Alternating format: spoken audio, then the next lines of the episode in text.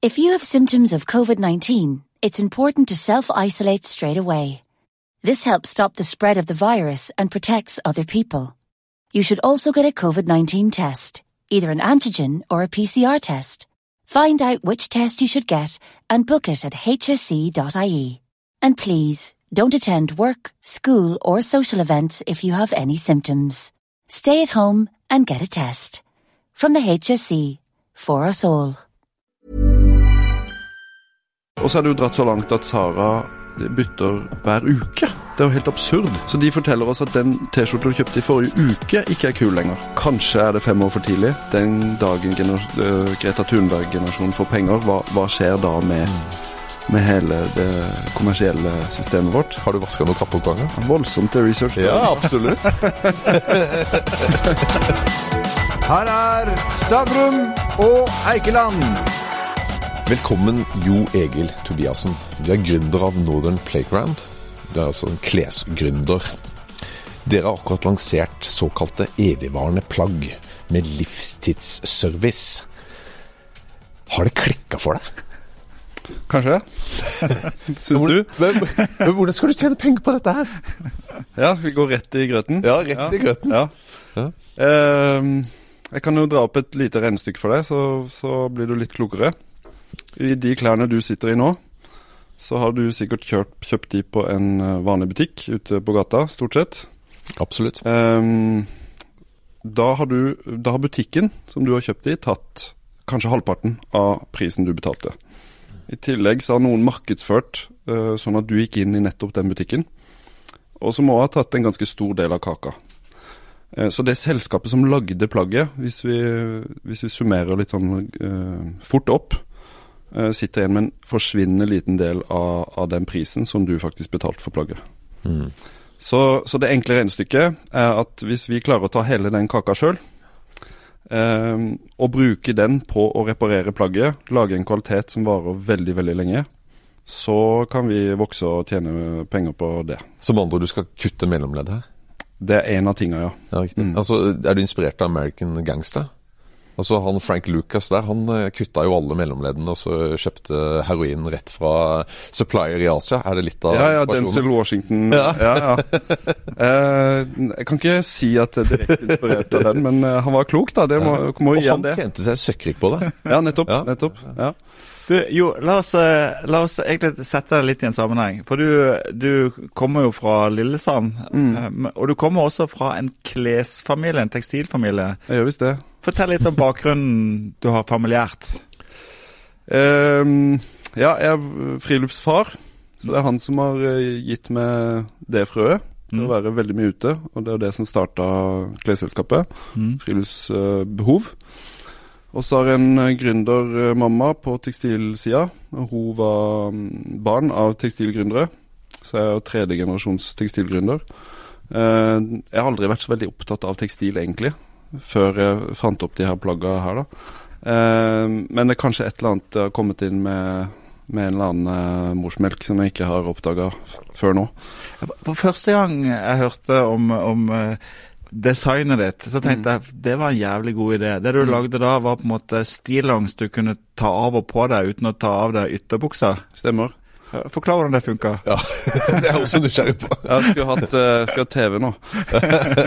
um, Nei, jeg, jeg går mye på ski, uh, spesielt. Og på ski, se for deg en påsketur, så blir du jo uh, veldig varm. Og da tar du av deg jakka, du tar deg genseren kanskje, og bare går i T-skjorta. Mm. Men du tar jo ofte på deg stillongs om morgenen, og så mm. går du med, med stillongs og bukse. Og så irriterer du deg veldig over den stillongsen, men du gidder ikke ta den av fordi det er for mye styr. Så jeg tenkte sammen med en kompis at hvorfor kan vi ikke bare finne opp en stillongs som du kan ta av deg, med glidelåser. da. Så vi satte oss ned på kjøkkenbenken og lærte oss å sy på YouTube og så klippa vi opp en gammel ullongs og satte inn noen glidelåser, og skjønte egentlig ganske fort at oi, dette er jo veldig smart. Uh, så det var, det var den spede starten på, på, dette lille eventyret. Uh, vi tenkte ikke business da, uh, men jeg, jeg, har nok en gründer ganske sånn bakt inn ryggmargen, så, så det ble mitt prosjekt etter hvert, da. Ja, du, er jo, du var jo journalist og har jobba i, i, store aviser og, og, den type ting. Men mm. så har du hoppa av, og nå er du 100 tekstilgründer. Ja, absolutt. Mm. Ja, men du begynte jo for ti år siden. Altså i 2010 du starta, var det ikke det? Ja, eller den der, den kvelden på kjøkkenbenken var i 2011, tror jeg. Var det 11, ja? Ok, Ja. okay nesten ti år siden. da Ja. Men det- som andre du, er, du må jo være en stayer, da. For altså, det, er, det, er, det har ikke bare gått rett opp, dette her. Nei, definitivt ikke. Nei, kan du vært fortelle litt om hva, hva, hva har vært det verste? Altså sånn, jeg tenker sånn eh, Det å være gründer. Altså Ja. det, det høres jo Alle har jo egentlig lyst til å være det, mm. men de tenker jo bare på de gode tingene. Ja, ikke sant. Men hva, hva- er det som har vært uh, verst? Uh, jeg tror min egen mentale helse. Rett og slett, for å si det som det er. Um, og, og kjempe mot seg sjøl når man står i dusjen eller ligger i senga. Og Mm. bekymringer, og, og være i den spacet, og ensomheten rundt det.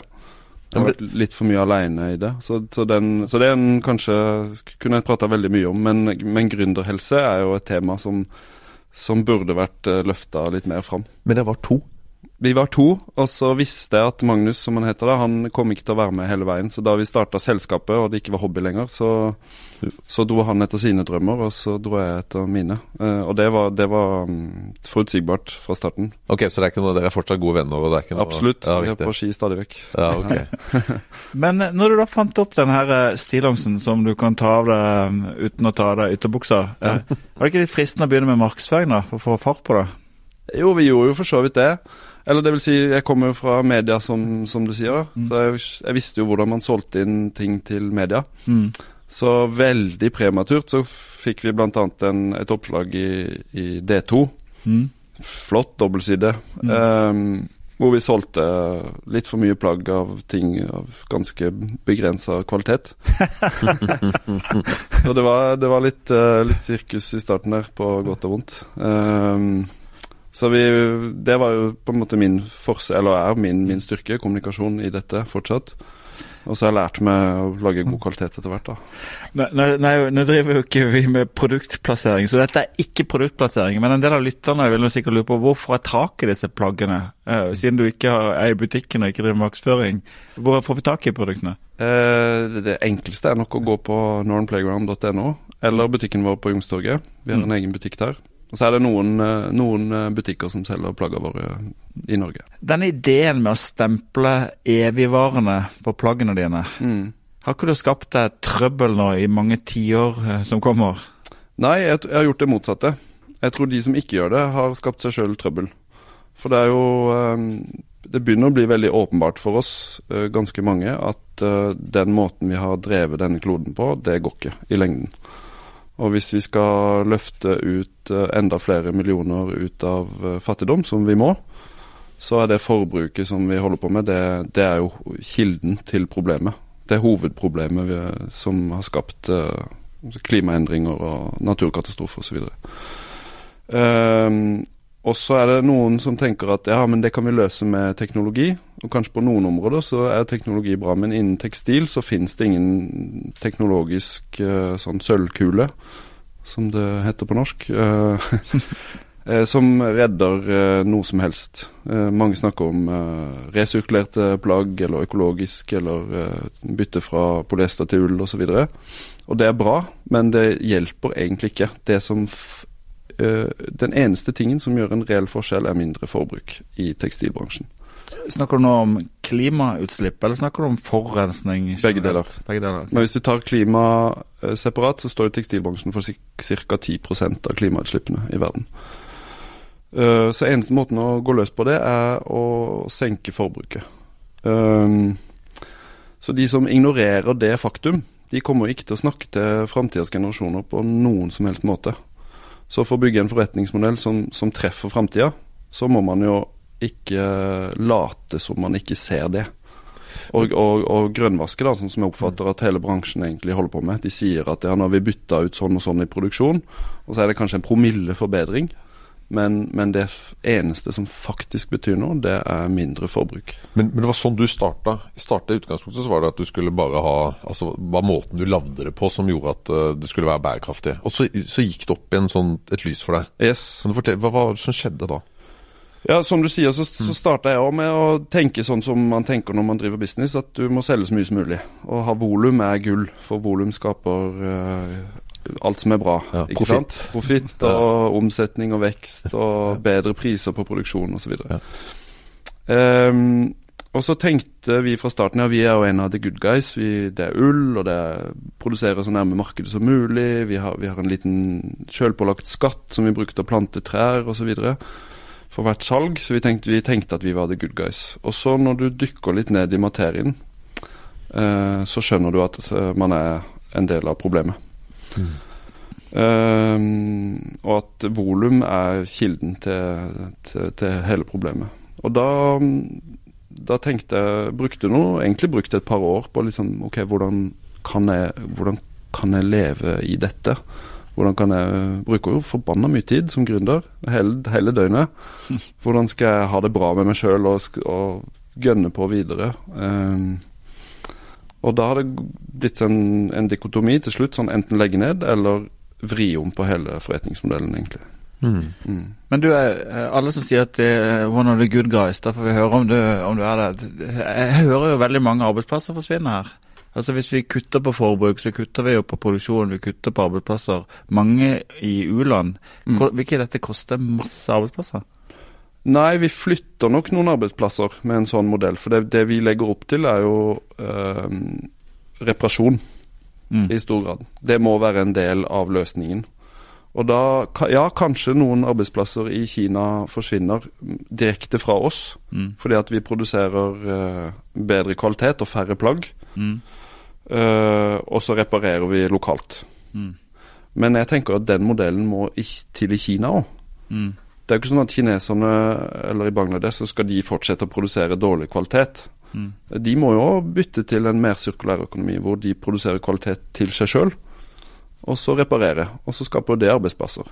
Eh, Så det er ikke nødvendigvis sånn at, eh, at totaløkonomien i tekstilbransjen skal gå ned Mm. fordi vi har mindre volum. Det handler bare rett og slett om det. Tilbake til min oppvekst. da. Min, min bestefar han, eh, han eh, grilla oss på at eh, god kvalitet er billig, Mm. fordi det varer. Mm. Uh, og god kvalitet er designa sånn at du kan reparere det. Jeg, han solgte møbler, og det er klart en, en god sofa kan du pusse ned eller bytte stoff på eller et eller annet. Det er verre med noe billig skvip. Hvordan går du frem når uh, dere skal lage et nytt produkt? Uh, Så Vi har skapt en modell som, som vi kaller for bestemormodellen. Og det er rett og slett etter bestemor sin strikka genser.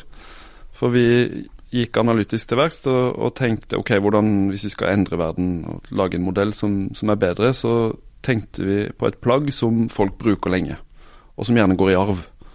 Og da et plagg da er, er bestemors strikkegenser. Den, du kaster ikke den. Du, det, det koster deg mye å hive den i Fretex-kassa, ikke sant. Og så spurte vi ok, hvorfor er det et plagg som varer lenge. Um, og det første da er, er nærhet. Eh, man har vært med å utvikle eh, plagget sammen med bestemor. Et bestemt mønstre, hvilket garn skal det være osv. Og, og bestemor er jo eh, nærme. Du kjenner bestemor, så du får en emosjonell tilknytning. Så det er det første. Når vi utvikler et plagg nå, så tar vi med våre kunder i at de kan bestemme hvordan et plagg ser ut. Vi har bygd en, en, en plattform på nett for det, hvor de som vil, kan være med i vår community, som vi kaller det. Så kan de være med og bestemme. Ehm, så da har vi jo en, en filosofi som går på at ok, det skal være lett å reparere når det går i stykker om fem år. Det må være på plass, og så må det være et design som ikke er, er veldig hot akkurat nå. Det må være noe som tåler tidens tann. Ut, men ut fra det så, så bestemmer community, altså farge, detaljer osv. Sammen med oss, selvfølgelig. da. Så det er det ene. Ja, Hvor mange er det i communityen nå? Ja, Nå er det en eh, 500-600. Ja. Så Vi launcha den rett før jul, Ja. så det er ganske nytt. Det neste i, i bestemormodellen er, er kvalitet. Mm. Eh, og kvalitet selvfølgelig med, med tanke på at den varer lenge. Men òg med dette som jeg nevnte, at det skal tåle tidens tann. Og at du kan bruke det til mye. Det er jo det som er flott med en sånn strikkegenser, at du kan bruke den på Mount Everest under jakka di, og du kan bruke den eh, i et møte eller i en rettssal, har vi jo sett. Eh, Du er skurk, da. ja, hvis Da har vi Tosca. Ehm, så, så multifunksjonalitet er jo et uh, tegn på god kvalitet på et plagg. Jeg, jeg skal bare bryte inn. Jeg har en Ja. sånn Setesdalskofte som Ja. jeg har fått av jeg tror det var moderen eller et eller annet sånt som uh, ordna det til meg. Ja. Men jeg gikk med den på Oxford Street. I London, og da følte jeg meg litt sånn som Crocodile Dundee i New York. Alle så rart på meg, men den funka. Det funka. Ja. Du er sikker på at det var genseren? som Åh! Åh, ouch! Ouch! Ok, greit. Nå er det slutt på Nice Guy her. Ja, multifunksjonalitet. Ja. Ja. Unnskyld avsporinga, men du skjønner at det er tungt. Um, siste i modellen er at det, kan, at det skal og kan repareres. Mm. Så vi tilbyr jo da gradsreparasjon på våre klær, så lenge kunden vil, og så lenge produktet er reparerbart. Um, Uh, og så um, håper vi å kunne gjøre det gøy å reparere. Hvis du uh, Med strikkegenseren din så vet du jo veldig lett hvordan du skal reparere den. Det er bare å stikke til bestemor. Mm. Så det er jo morsomt og enkelt. Og det er der vi må komme med reparasjon. Det må ikke være veldig vanskelig eller uforutsigbart. Vi må gjøre det morsomt og enkelt for kunden å reparere. Så reparasjonen den skjer her i Norge, den da? Vi, ja, der har, vi, der har vi en litt utvikling på gang, så jeg øh, ikke trenger å gå for mye inn i. Men det skjer, nå skjer det i butikken vår i Oslo. Mm. Men sånn, en, eh, ok, dette communityet eh, hjelper dere å designe plagget, men det må vel designes på toppen? Eller har du en klesdesigner, eller er det du som da tegner det i detalj, eller er det ferdig designer da i den gjengen? Eh, Det varierer, men det er alt fra at community kommer med ideen til plagget sjøl, Mm. og så tar vi det videre til skissebrettet, og så går det tilbake til community. Syns dere dette er en god idé? Mm. Og så sparer vi fram og tilbake med spørreundersøkelser og kommentarer. Mm. til vi har kommet fram til noe som ser bra ut. Uh, men vi stopper ikke der, for da, da uh, putter vi det ut i crowdfunding. Mhm. For vi vil ikke produsere noe som ikke har livets rett. Mm. Um, så da kan vi si f.eks. at vi må ha 150 stykker som har forhåndskjøpt det plagget for at vi skal produsere det. Ja. Så det er jo både sånn miljømessig, så produserer man, overproduserer man ikke. Mm. Men nå det, finansielt for oss er det jo fantastisk, for da finansierer vi produksjonen Ja. eh, før vi får den. Hvor er det dere produserer, da? Vi produserer um, primært i Baltikum, Mm. alt i Europa, og en del i Oslo. Fortell om den, den Oslo-produksjonen, for den Ja. var litt eksotisk. Ja? Ja, det, den er morsom, den. Eh, det var kanskje litt starten på dette, og litt eh, Eller til hvordan jeg har turt å endre hele modellen. Eh, fordi jeg ble kjent med noen damer på Tøyen som drev en liten syklubb, hvor de sjøl hadde tatt initiativ for å få somalske damer ut av hjemmene sine og, og ut i samfunnet. eh, på, helt på eget initiativ, som jeg syns var fantastisk. Eh, så de hadde symaskiner og et sted å være, men ikke noe oppdrag. Da tenkte jeg hm, dette, kan, dette kan være vinn-vinn. Mm. Um, så vi satte i gang eh, noe der. Um, og, og så, har vi, så har det vokst jevnt og trutt. Eh, og skapt eh, etter hvert to arbeidsplasser, sånn mer eller mindre på Tøyene. Så har vi et, tatt det videre til et annet prosjekt på Grünerløkka. Mm.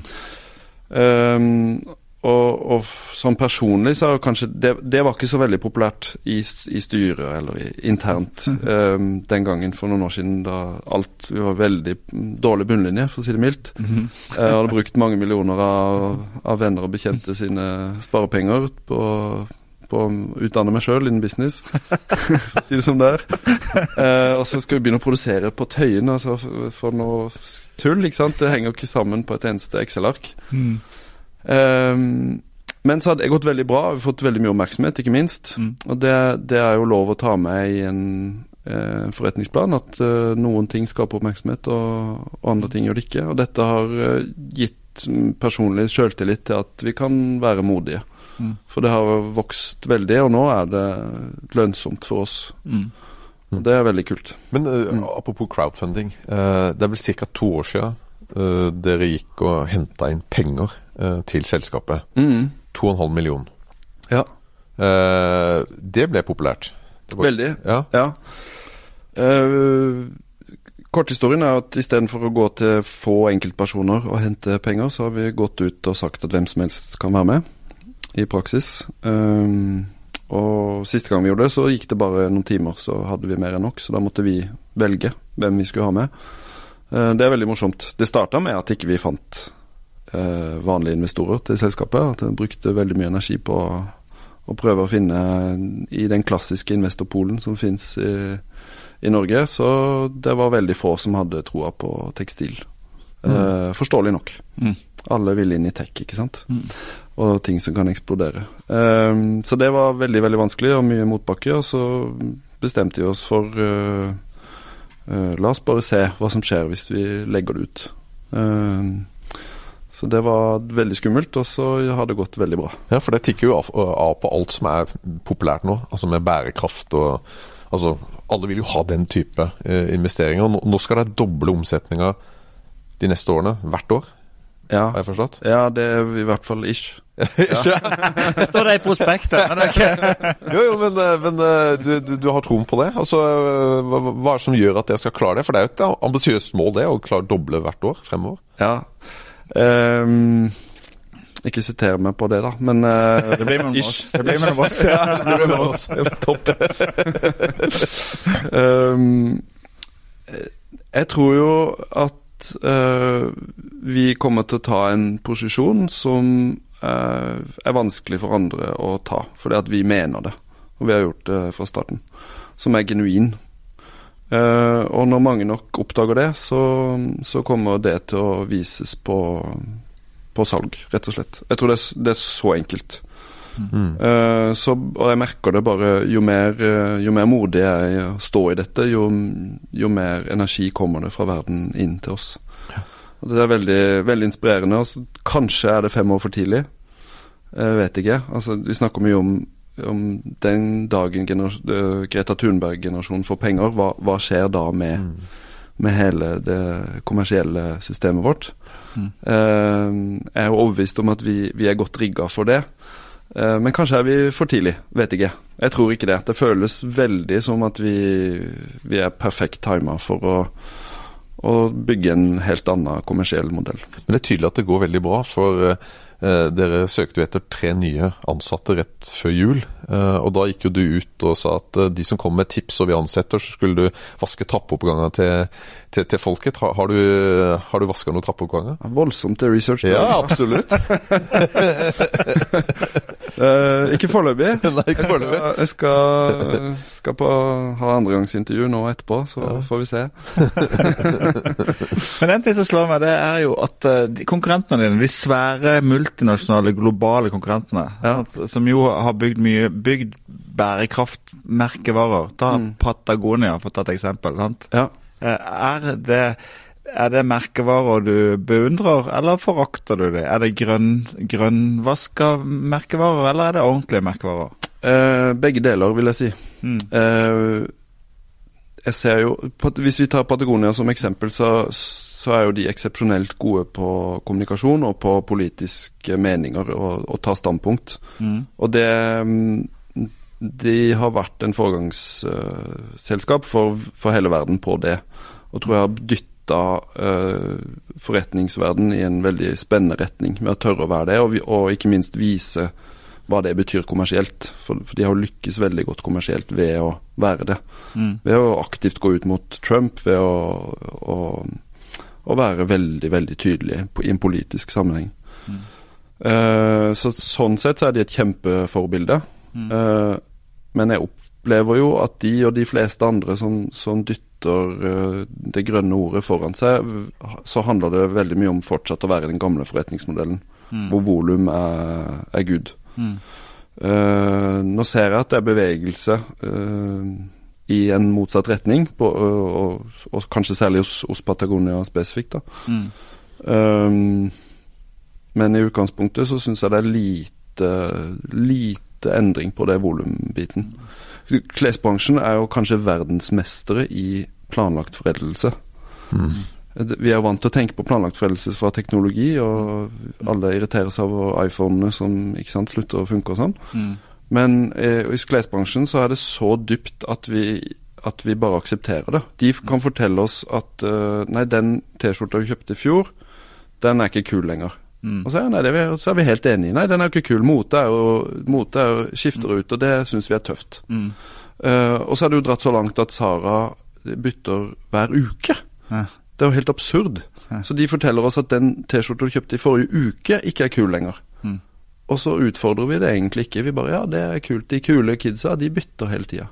Så- Så, så, og det må vi jo altså, Det er helt åpenbart at sånn, sånn kan vi ikke holde på. Og det kommer ikke til å være kult eh, framover. Men altså, øh, du sa Sara, HM er noen andre.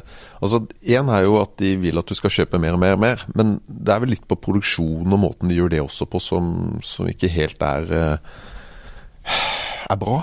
Eh, definitivt. Og jeg skal ikke ignorere det aspektet ved ting. Eh, og der, der har vi sikkert alle sett eh, hvordan arbeidsforholdene og miljøforholdene er på visse steder i, i Bangladesh, eller i Asia, mener jeg. Men, eh, men der har det kommet ganske mye fokus. Så, så vi er aktivt fokuserer på det som skjer etter at et produkt er solgt. Mm. Eh, for det er der den, Hvis vi snakker om bærekraft, så er det der den virkelige endringa uh, vil skje. Eller hvis, hvis vi skal tenke bærekraft, så er det det som skjer etter at et produkt er solgt, ikke før. Som vil ha mest betydning. Men, men, men HM og Sara, det er verstingene, ikke sant? Sånn som du ser det. Ingen kommentar, men eh, Men ja. eh, ja. Jeg fikk vi det. Det er veldig bra. Trenger bare, ja. Men, men, men gjør myndighetene nok altså, til å stoppe disse? Gjør EU nok? Gjør norske myndigheter nok til, å, til at de, de må endre måten de opererer på? Eh, korte svaret er nei. Hva kan vi Eh, gjøre? Men EU er veldig på gang. Ja. Og det er kjempespennende. Uten at jeg har satt meg veldig inn i det, men der skjer det veldig mye progressive ting på disse aspektene. Men hva kan Iselin Nybø og Erna de gjøre? Uh, ja, Steg én er å ikke pushe det fra seg og legge det over til EU, og vente på de. Eh, jeg, jeg hørte var det Jens Ultei Tvo i, på, på radioen som, mm. som snakker om uh, karbonbeskatning. Eh, det er jo en kjempeenkel måte å, å endre systemet på, og bruke de kapitalistiske prinsippene. Men å bygge inn reell, den reelle miljøkostnaden i, i det vi holder på med når vi produserer ting. Eh, så, eh, og når, når han sier det, og den gruppa han representerer sier det, så tenker jeg at eh, Erna òg burde tørre å tenke de tankene. Og være litt progressive, og ikke bare når de blir spurt om det, komme med litt sånn eh, politi, politikkspråk. politikkspråk. For det er en kjempeenkel løsning, og jeg ser jo DN og har skrevet det på lederplass. Så, så det er jo For ti år siden så tror jeg det har vært Så hadde vi steila. Og sikkert uh, du, Gunnar, som, som kommer fra, fra den sida av politikken, ville steila for ti år siden, men nå er du kanskje. Nå er du litt mer åpen. Det trenger jo ikke være feil fordi om Dagens Næringsliv skriver det. Men du, jeg, jeg tenker på en ting. Hvis hvis jeg kjøper veldig mye analysen din, men så kan jeg bare ta et, liksom, et sånt uh, ta, ta Økonomspørsmålet vil det være eh, Kan dette virkelig skalere? Klarer du å skru opp denne bedriften fra å omsette for hva da, 10 millioner år til 100 millioner med, med ideene dine? Eh, definitivt. Mm. Eh, men det er jo et paradoks. Det jo, du trenger jo ikke å være veldig smart for å se at, at det er et paradoks at jeg sier at vi skal vokse og bli et stort selskap, og, men at folk skal kjøpe mindre klær. Mm. Uh, men det enkle er jo at uh, istedenfor å kjøpe fem T-skjorter fra noen av de svære sjappene på Karl Johan, som jeg ikke skal si navnet på, så kjøper du ei T-skjorte fra oss isteden. Og går med den eh, i ti år, istedenfor å bytte ut uh, T-skjorte annenhver uke. Men jeg tror ikke problem, det, Spørsmålet mitt er egentlig ikke om at Jeg tror etterspørselen etter, etter produktene dine kommer til å være store, men klarer du å faktisk lage et system som klarer å produsere nok til 100 millioner kroner i året? Altså, med, du har to, altså det, er ganske, det er en liten operasjon du har for øyeblikket. da, Den Mm. skal bli stor. Ja. Mm. Uh, altså, du tenker rent operasjonelt? Ja. Ja. Skalerbarheten. eh, ja. Ehm, nei, altså de, uh, 95 av det vi produserer, produserer vi på konvensjonelle fabrikker i, i Baltikum. Mm. Og der er jo skalerbarheten Mm. veldig god, for å si det sånn. Mm. Uh, så, så, så det handler jo egentlig bare om å sette ordre Mm. og bestille råvarer. Men, det- men community, kan de lage nok nye, nye typer plagg, eller vil du på en måte etter hvert ha begrensa modellutvalg og, og selge mer av den, de, de tingene? Nå er vi jo bare på base layers, eller undertøy. Mm. Uh, så det er klart, hvis vi går over til yttertøy, til mellomlag, som vi er i gang med, Mm. og etter hvert kanskje til jeans, til hva som helst, sånn at vi blir et fullsortimentsbrand, Mm. så jeg klarer egentlig ikke helt å se at eh, det er noen begrensning på omsetninga vi kan få til på sikt. Uh, modellen vår er, kan man jo ta inn hva som helst i. Må jo ikke begrenses til klær heller. Blir du rik på dette? Uh, satser på det. For det er dette et sentralt spørsmål. Er du eh, forretningsmann, eller er du eh, idealist? Uh, svaret er vel vet ikke. Eh, Ingen av delene, eller begge deler? ja. Håper det siste.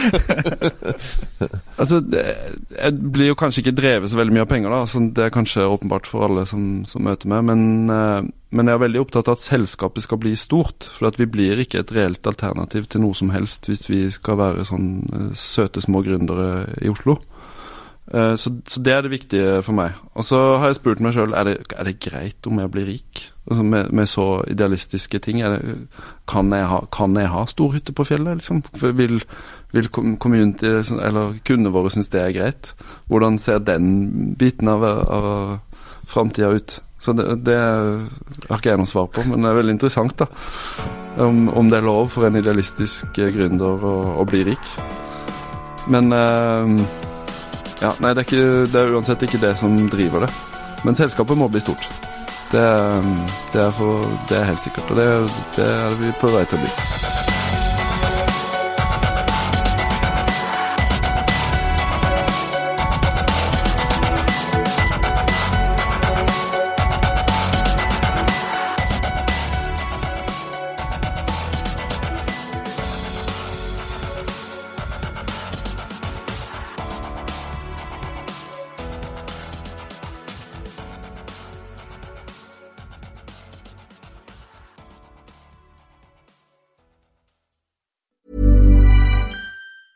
If you have symptoms of COVID 19, it's important to self isolate straight away. This helps stop the spread of the virus and protects other people. You should also get a COVID 19 test, either an antigen or a PCR test. Find out which test you should get and book it at hsc.ie. And please, don't attend work, school, or social events if you have any symptoms. Stay at home and get a test. From the HSC, for us all.